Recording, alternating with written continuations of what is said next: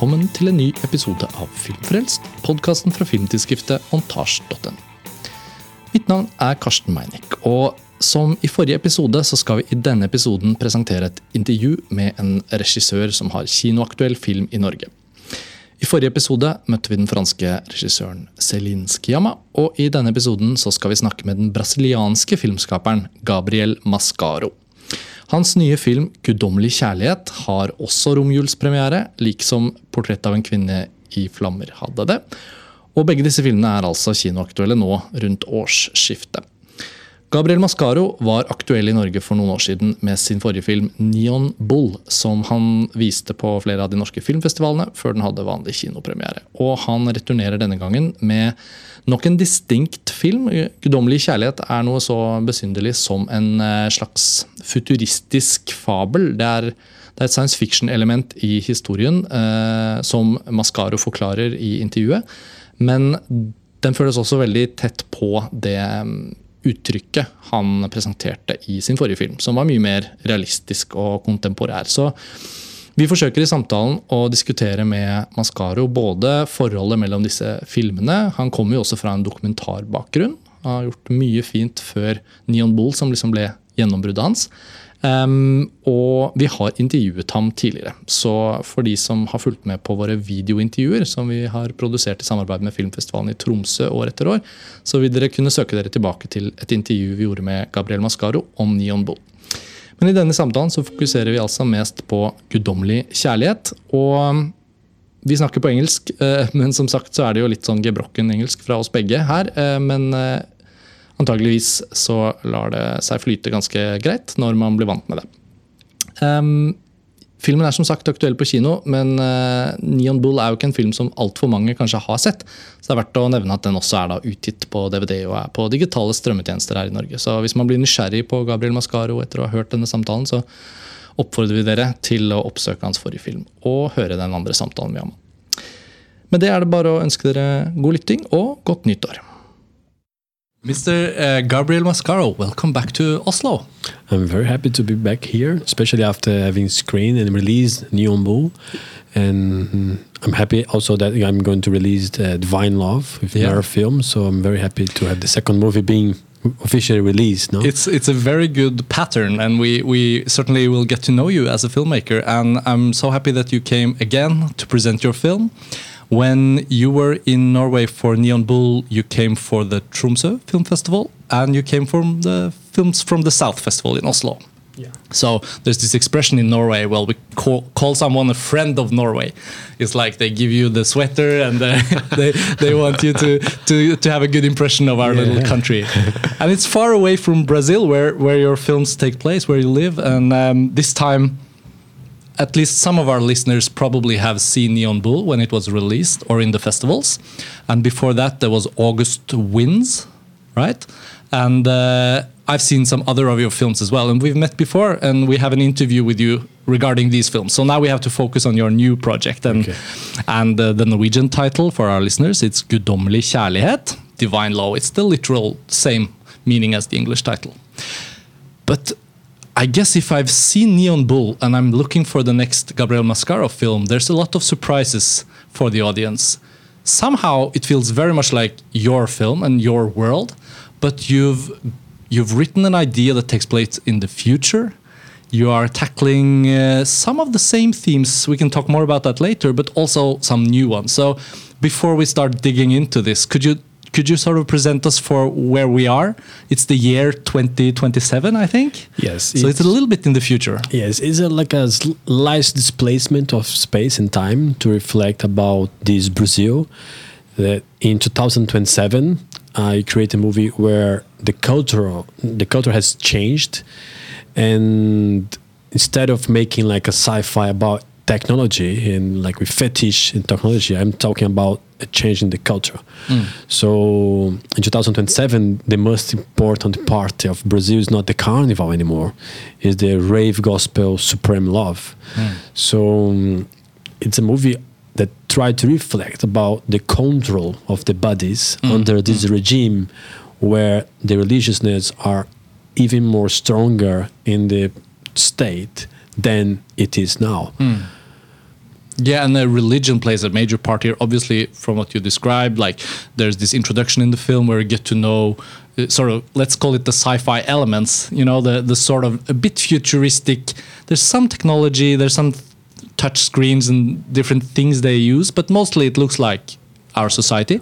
But the the role of religion as a lifestyle, as a sort of a cultural. Uh, sort of uh, a machinery that gives us direction, but it also comes down to how we live as as people in love and what we create with love. Like w- w- how is children made and what is the way to get, make children, and it becomes like this. I know I agree with you that technology is not like a major part of the the idea of the film, but I still I experience that I'm because it's a science fiction. We are trained to look for Yeah. you know what is he giving us like uh, of uh, new stuff and Yeah. the element of how love and love making takes place in the lives of the people living in this very religious and sort of evangelical Brazil. That's part of your idea, right? Yeah, it's curious to reflect about what, what you said because when you think about dystopian movies or dystopian literature, Yeah. we quite often associate or you're looking for the elements that we recognize as a dystopia, Yeah. uh, dystopian narratives, Yeah, yeah. and, and mostly they have a character fighting against the system. The system is an enemy, and it's very Almost clear always, yeah. and very like in some way a very caricatural clear enemy whereas the antagonism is very direct Exactly. relation of oppo- opposition in divine love i tried to do a bit differently uh, i tried to create like a dystopia where differently the character thinks she is living in a utopia Yeah. she thinks the world's good Yeah. and can be even better Yeah, she's very happy in the beginning. very happy in the beginning, in the middle as well.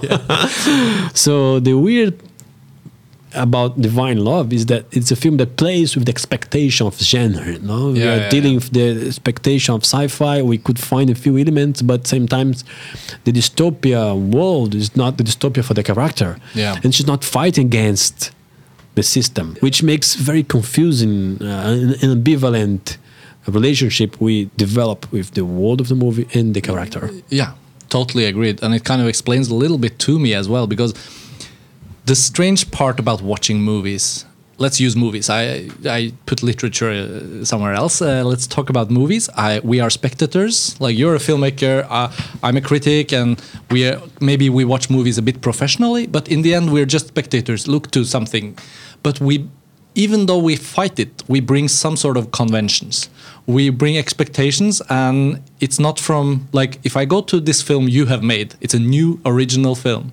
I still bring these things that I expect from it, even though it's supposed to be its own little animal. Uh, and I'm quite sure that a lot of people who saw Neon Bull, they were not necessarily expecting Gabriel Mascaro to develop into like a genre genre filmmaker, but also like a genre player. You're kind of a magician a little bit that says that well, you think it looks like this, but actually it can look like this. So there's some reinvention going on in your film, and I appreciate it a lot, but it's also surprising. So I have to ask you a little bit about like your reference or your what kind of dystopian films do you like? Uh, you know, are, are there any films that you were surprised by, like this? Like like you you appreciate to watch something that was like whoa, it was not was what I uh, was expecting. Yeah, it's surprising but also challenging for me as well. For example, I think when I start realizing I would make, I'd like to make a movie about this very controlled body in this very near future. Yeah. uh, I try to bring some reference of sci-fi, but also blend this with some pornography movements in the history of cinema. We like we've seen Japan in the 80s. Yeah, yeah, these yeah. pink movies, the pink films of Japan. Yeah. It's like a huge industry that use pornography. Yeah. But in the same way, we can still see some part, some slice of the Japanese politics and Japanese culture through the movies. Yeah.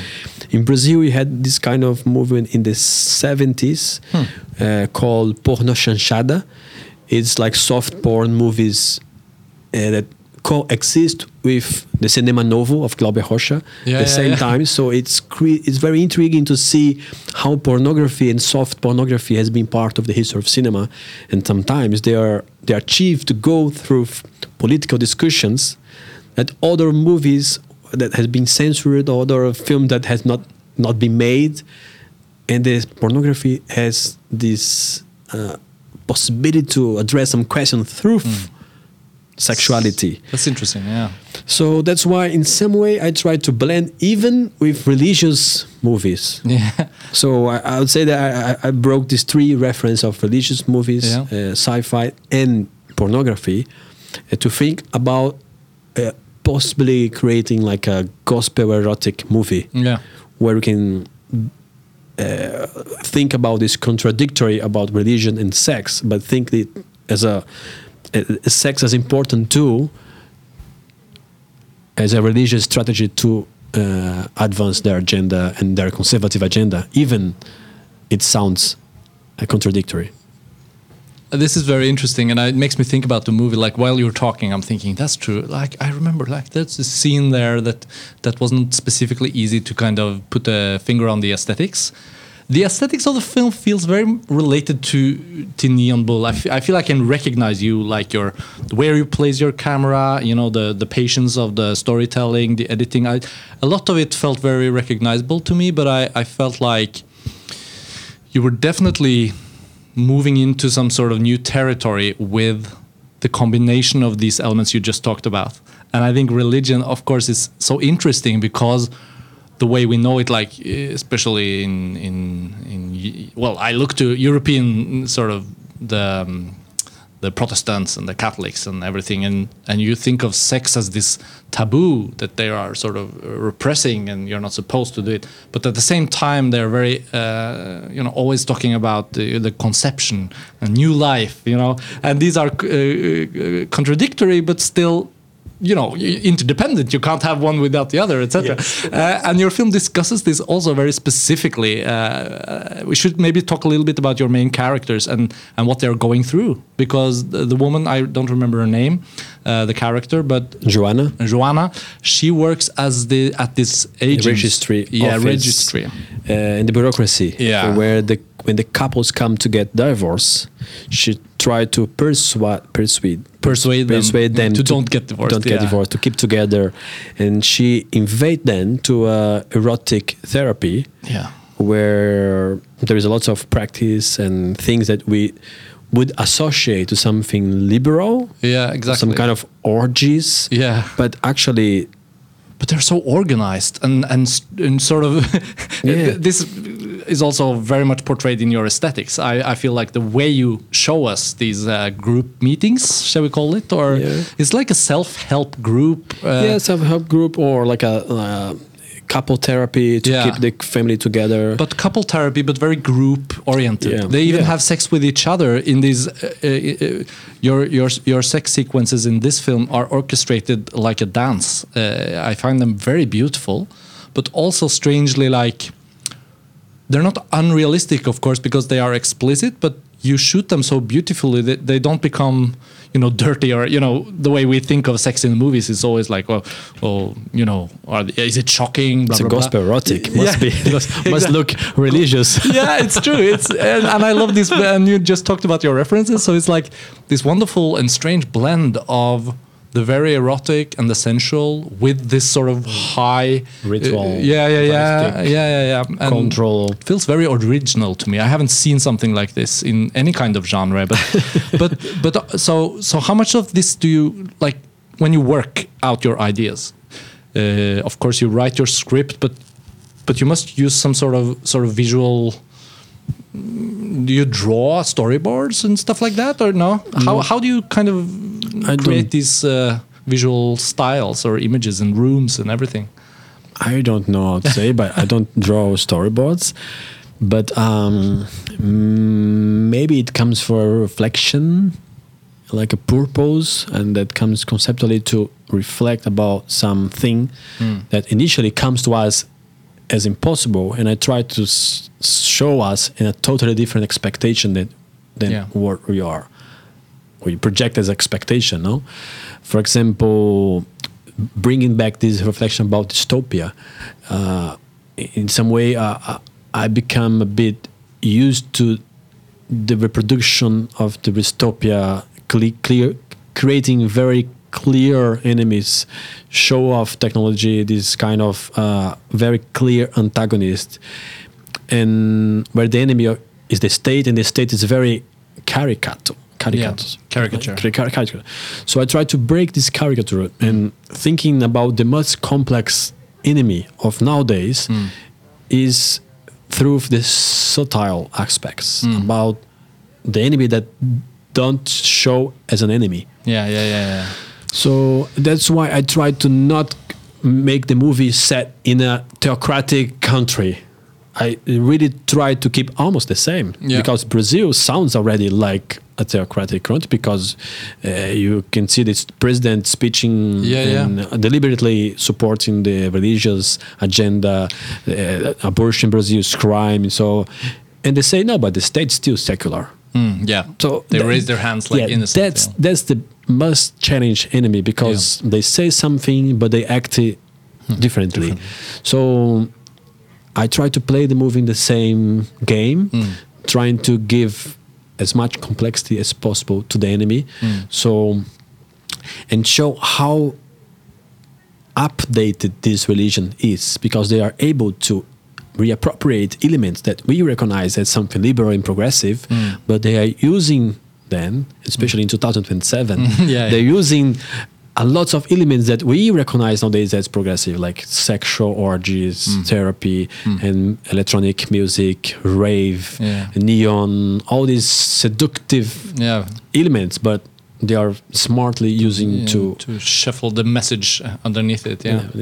So I have to ask you about contemporary Brazil, mostly because I'm curious. I I'm not able to follow the political situation in Brazil very very in detail, but we get some reports.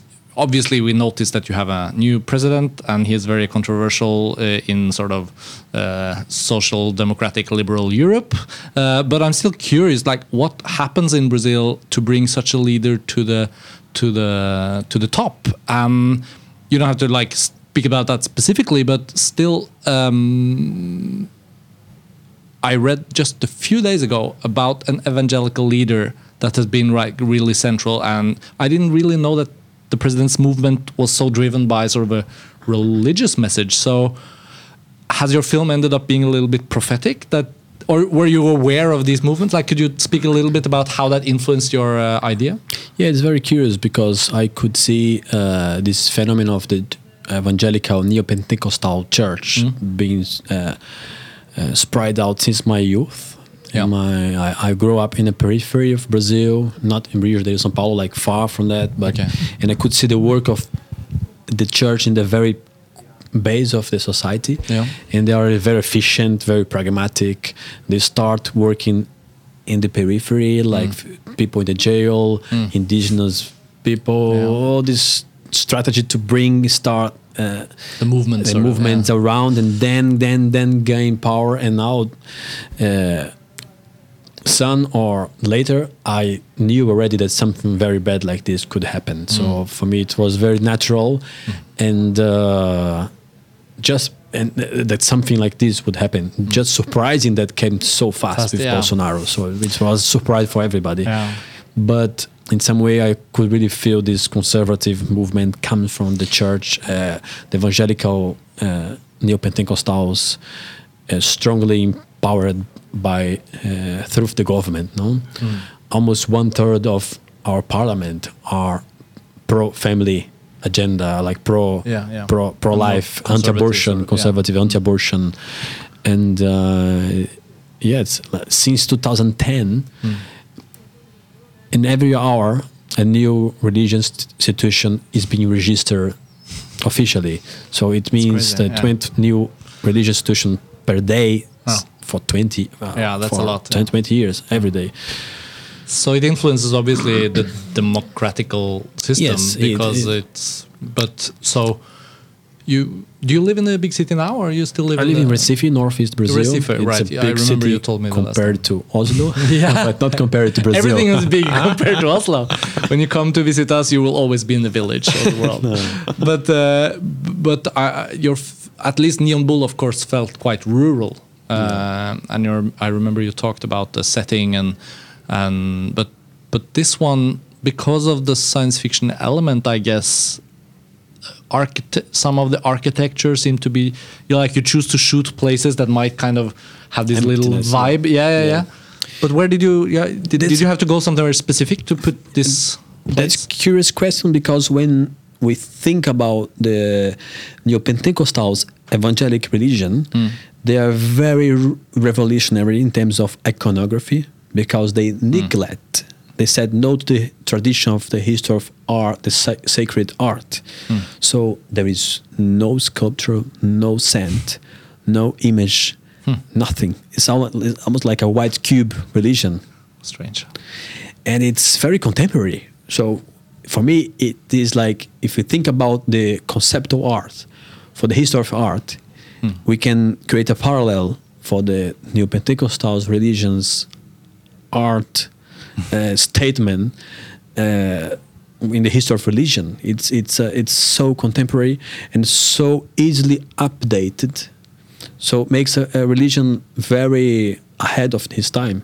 They can do what they want. They can each pastor can reinterpret the Bible as their needs and their beliefs. Yeah, just turn it into what they need it to be. So yeah. there's no big tradition, no, No. big, uh, you know, there's no- opposite to the Catholic Church, always looking always to looking to the history. Papa. Yeah, yeah. The the one they can never move forward because yeah, they are. yeah. There is a very yeah. centralized Yeah, uh, yeah. religion, like a Papa, the Pope. Yeah. So it is totally different Hmm. with this uh, Neo Pentecostals in Brazil. Hmm. Yeah. So this very this is very revolutionary. Yeah. And we are talking about very serious that uh, I tried to speculate in this fantastical movie, and it was very challenging in terms of production design and cinematography because exactly, yeah. when we arrived in the location, the set there's nothing. So like a white cube. You have to create everything. yeah, so, that's. So and, and we couldn't use like a lot of objects because they said no to the old object that means something spiritual. Mm, mm. Like icons or. Yeah, you there is no know, icon. the- so our main challenge was to make a movie through light, Yeah. music, Yeah. and uh, and smoke. Yeah. oh yeah, and it works. Spiritual, like spiritual experience. th- there's a lot of imagery in your film that it feels to me s- refreshed by these choices. Like I can't really say I've seen it before, um, but it also.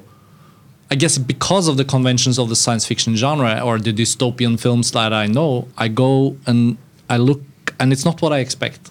Yeah. Take a, a film like uh, Children of Men. Uh, Yeah. Some people must have mentioned it because it's a world where people can't have babies, and there's this one girl. She's pregnant. You know, she's uh, she's a me- messianic uh, figure, messianic figure. um, but that's a dirty world. That's you know torn down. Everything is broken you know.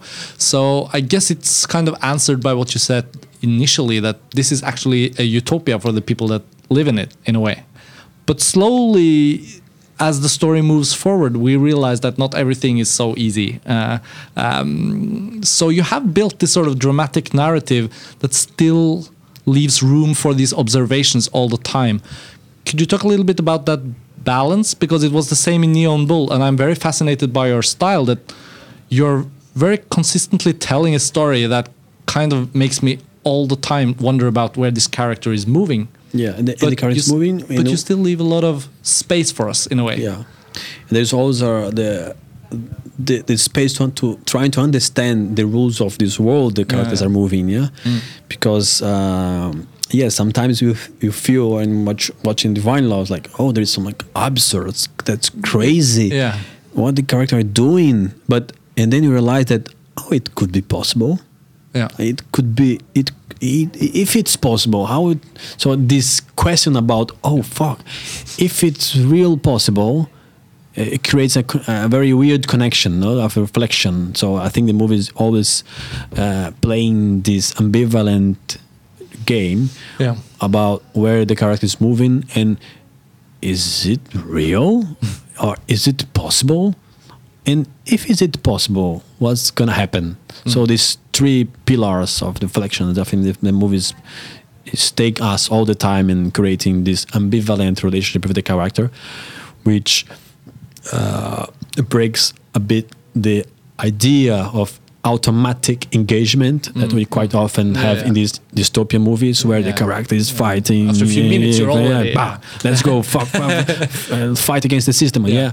and kick the system, kick them out, open the door, like bah. And this movie, no, it's the opposite. The character is, is truly going through and against our own principles. No, Yeah. she, she's Yeah. trying to interfere in the life of the otherness, Yeah. and, and it, it it bothers us. Exactly. I mean, some of the way we en- engage, sorry, en- engage in her project is somehow because we're not like, what are you doing? Like, you can't pressure people like this. Yes. But but after a while, of course, we get close to her and we realize much more that she has her own struggle. Yes. Um, I, I, do, are these all figured out in your scripts, like this yes, balance? Yes, it was very important because I think the the, the film has have a lot of risks in terms Mm. of uh, strategies. No, that uh, and the film brings very constantly all the risks he can can can bring and. and and share with the, the audience because uh, I, f- I feel a strategy that you need we want to fit sometimes doesn't fit and and how does it work so uh, so it's always uh, a, a game of expectations and also some people are more open to feel what the characters want uh, where want to drive drive us Yeah. through their Yeah, journey Yeah.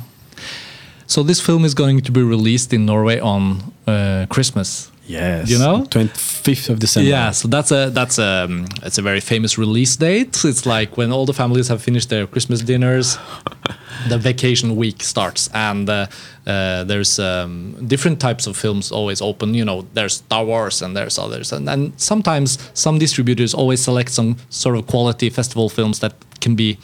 Uh, and it, I, I just smiled when I saw they put uh, Divine Love on the first of Christmas or uh, Christmas Day because, in a way, it's perfect because it's a very secular society here in Norway. I mean, of course, people are religious uh, if they want to, and any kind of religion is uh, accepted. But we, even though we are not religious, we come into this um, this state of mind during Christmas. Yeah. We become a little bit more holy, all of us, and we, we spend time with our families and thinking uh, about love thinking about family So I'm just I'm imagining a little family taking a trip to your film. Divine Love. That'll leave a lot of conversation on the table for the next uh, part. and the holidays too Yeah, for the whole of the holidays. Um, uh, Gabriel Mascaro, uh, we are reaching the end of our uh, sort of um, what you call it time that has been given to us. Um, so I'm happy we talked quite fast. We moved through a lot of different subjects. Um, let's say if we have a little minute left, is there something you would like to sort of um, convey to to the audience about this film that we haven't talked about? Like, what what was the most important thing for you that you want to give to the audience with this film? Um, I I try to share the experience of uh, world where we are now facing not only Brazil, so it's a universal issue, no, Yeah. about this conservative advance and how to deal with that in our society, and um, also I think the movie is very honest the way he thinking about the bodies, and not just uh, when we were talking about this subject even more discussing the, the whole of the female body in cinema, but I'm trying also to bring the reflection about the the male body in cinema. No? Yeah. we are talking about a movie about infertility, and a lot of time we've seen this female body, uh, this famous scene where the doctor are scanning their the, Boobs, the, yeah. the bombs and check Yeah. how is the the fertility Yeah, and and this image is quite uh, repetitive in the history of cinema.